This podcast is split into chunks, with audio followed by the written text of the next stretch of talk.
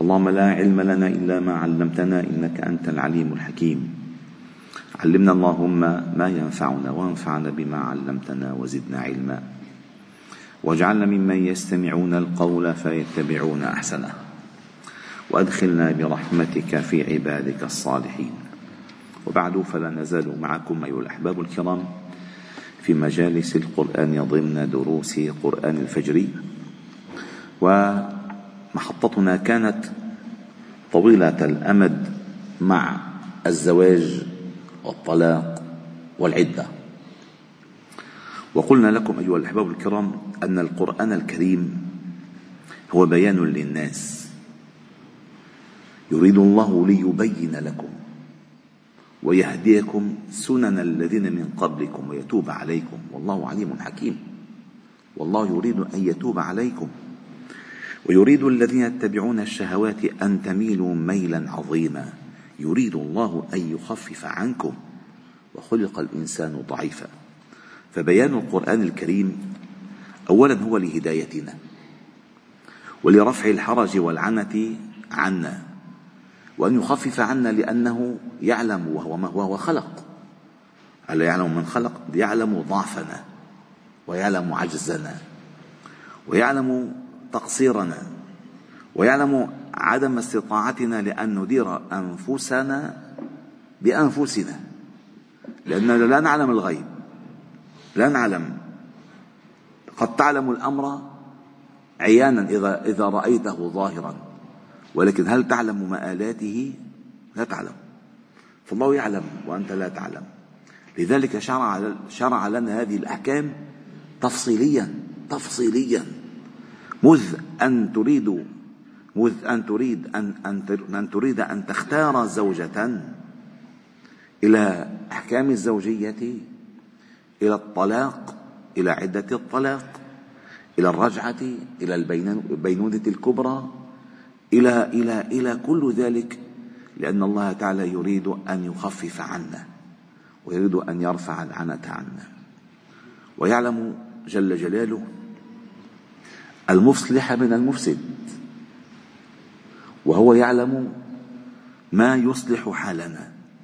فعندما شرع لنا هذه الأحكام وهذه الأحكام تحتاج لنظر لنظر وفهم دقيق جدا جدا جدا. لأن الذي يحدثنا عنها الله الله. فلذلك لاحظتم أن أغلب الآيات عندما تنتهي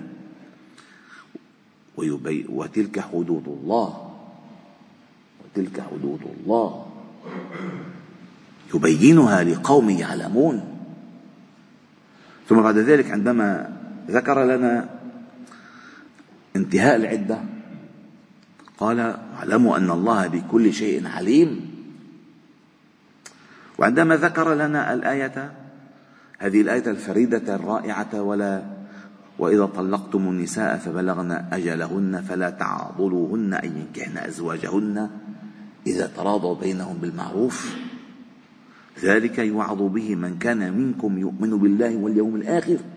ذلكم أزكى لكم وأطهر والله يعلم وأنتم لا تعلمون. فشرع لنا هذه التفاصيل لأنه يعلم ونحن لا نعلم. رحمة رحمة منه بنا جل الله تعالى في علاه. وعندما ننظر أيها الأحباب الكرام في هذه القضايا الأساسية ندرك أولا أن الطلاق أو الزواج ليس عبثا وليس مشروعا ترفيهيا إنما هو جد. فبزواج جد ثلاث جدهن جد وهزلهن جد. الزواج والطلاق والعتاق. فما في لعب بالزواج. لا يدخل عليه المزاح الزواج تأسيس تأسيس حياة. فلا يكون الزواج فيه عبث وله وترفيه. وكذلك الطلاق. لا يكون عن غضبة غضبها رجل. أول عم يتسلى وأنت كمان. هذا لا, لا, لا, لا يسمح الشارع أو الشرع أن تتناول أحكامه بهذه الطريقة. فهي في ملء إرادة وتمهل وترو حتى تعلم الأحكام التي تبنى عليها. ولاحظتم عندما تحدثنا لكم عن أنه كيف النبي صلى الله عليه وسلم أمر عمر أن يقول لابنه ابن عمر أن يراجع زوجته لأنه طلقها في حيض ثم أن يتركها حتى إذا أتت في طهر لم يجامعها فيه فإن شاء طلقها وإن شاء أمسكها وهذه نظرة كثير دقيقة وكثير تربوية إن حتى تتمهل. وعلمتم كذلك أن كيف أن المختلعة التي اختلعت نفسها من زوجها بإرادتها. وهذه الصورة الوحيدة التي يكون طلاقها بيدها طلاقها بيدها. أما هلا بيقول لك العصمة بإيد المرأة. العصمة لا, لا تكون الطلاق ليس حق الامرأة. ولكن لها أن تفسخ هذا العقد إن بني على استمرار العقد ضررا أو ضرر. لأن أمرأة ثابت بن قيس قالت إني أكره الكفر بعد الإسلام. فالنبي صلى الله عليه وسلم فهم فهم فهم فورا أرسل وراء زوجها فقال لها رد عليه حديقته وأبانها منه. هذا الموضوع. هذا حق. هذه وكل هذا كل ذلك مراعاة لاستمرار البناء الزوجي. لما بيقول لك هلا مشان العالم. معقول نخرب بيتنا؟ ما أنتم خربين بيتكم. ما أنتم شو بيحكوا العالم؟ معه شيء في جحيم. وإن يتفرقا يغني الله كل من سعته. ولكن كما قلت لكم أن الطلاق مشروع يحتاج إلى تأن وتمهل ولا يحتاج إلى غضب وتسرع. فكذلك نعلم من خلال الأحاديث النبوية الشريفة أن النبي صلى الله عليه وسلم علمنا أنه لا ينبغي أن يستجيب الإنسان لمجرد لمجرد أن كره بزوجته طبعا. ما؟ لك شو هالطبع هذا؟ شو هالمصيبة؟ مثل ما مش من باب أروح لكم عن بال عن أنفسكم بعد هذا الليل الطويل. فجاء رجل إلى شيخه. جايب معه غزوة عم بيبارك له بالزواج. فالمهم فقال له يا سيدنا الشيخ الحمد لله زواجك بارك لي. قال له الله بارك الله لك وبارك عليك وبارك الله لكما وبارك عليكما وجمع بينكما بخير. فقال له شيخي شيخي قال له بس طلعت زوجتي من نوع اللي بنقوا اللي بنقوا فنظر إليه هذا الشيخ مبتسما وقال وهل هناك نوع آخر؟ ما كلها النوع كلهم نفس النوع. وبدك تتحمل بدك تتعود على الموضوع. ما إذا تراها أنت إذا تراها أنت كسرة النع ما هي قد تراك كسرة الفج. لذلك الحديث ما أجمله قال إن رضيت منها إن كرهت منها خلقا رضيت منها خلقا آخر. ما في حدا بالدنيا كامل أبدا. ولكن أي شيء اللي الإنسان لا يمكن أن يسكت عنه ما يفسد بناء الزوجية. ما يفسد بناء الزوجية. لا هم لا زوجة ولا بيت ولا أولاد حتى ولا نفسه فهذا لا يستقيم. لذلك النبي صلى الله عليه وسلم قال في الحديث لا يفرق مؤمن مؤمنة إن كره منها خلقا رضي منها آخر. أي لا يبغض المؤمن لا يبغض أحدا أصلا.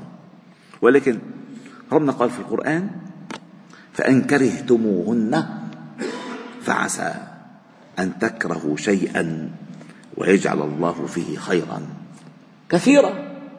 فقد تصبر وهي تصبر. أو الإنسان بيشوف الزيت الحياة بس من منطقته. ما هو كمان ربما تراك ربما تراك إنه من أي سليله الله أعلم.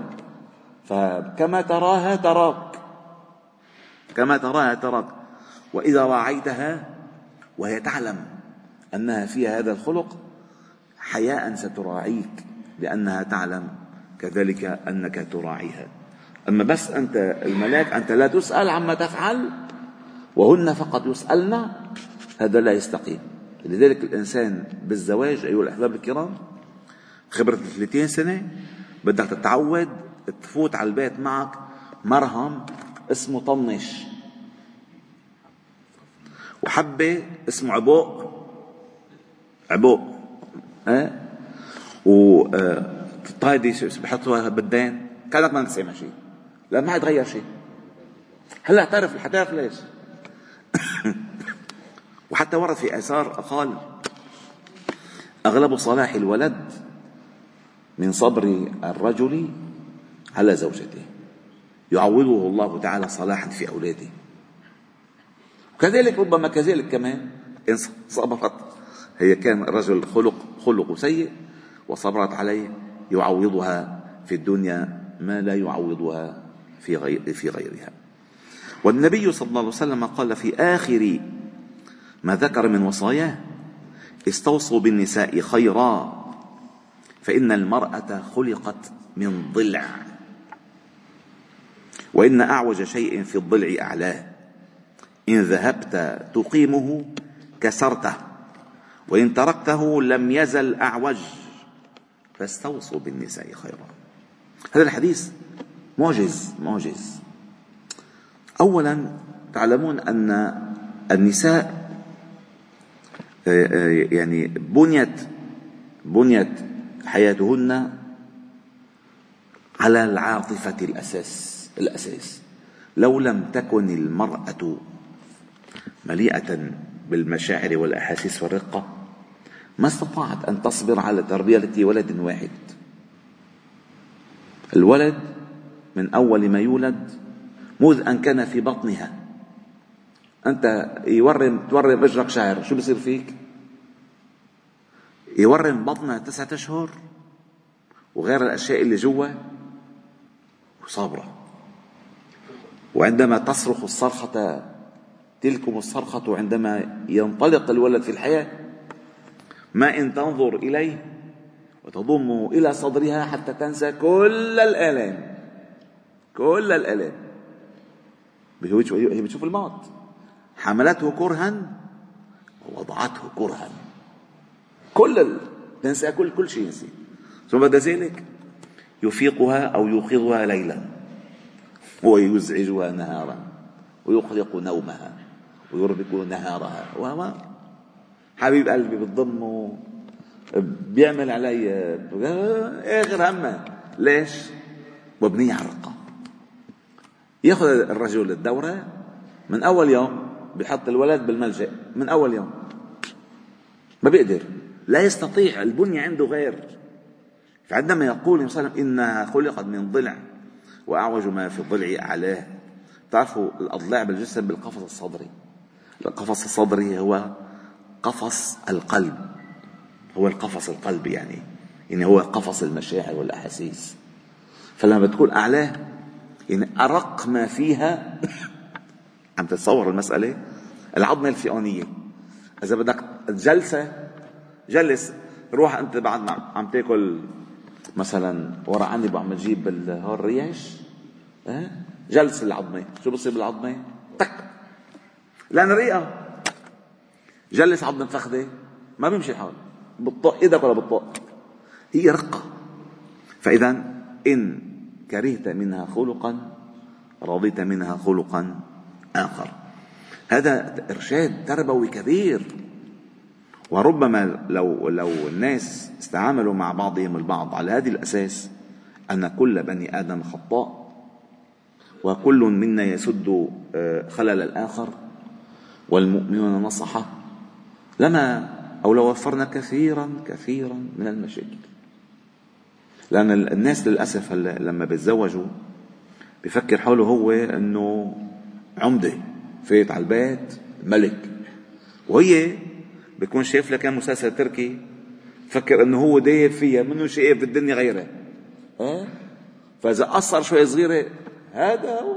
لا لا هيك صح ولا صح الحياة كما قلت لكم شراكة فكما أنه راع راع مسؤول عن رعيته وهي كذلك راعية ومسؤولة في بيت زوجها عن أولادها وعن بيتها.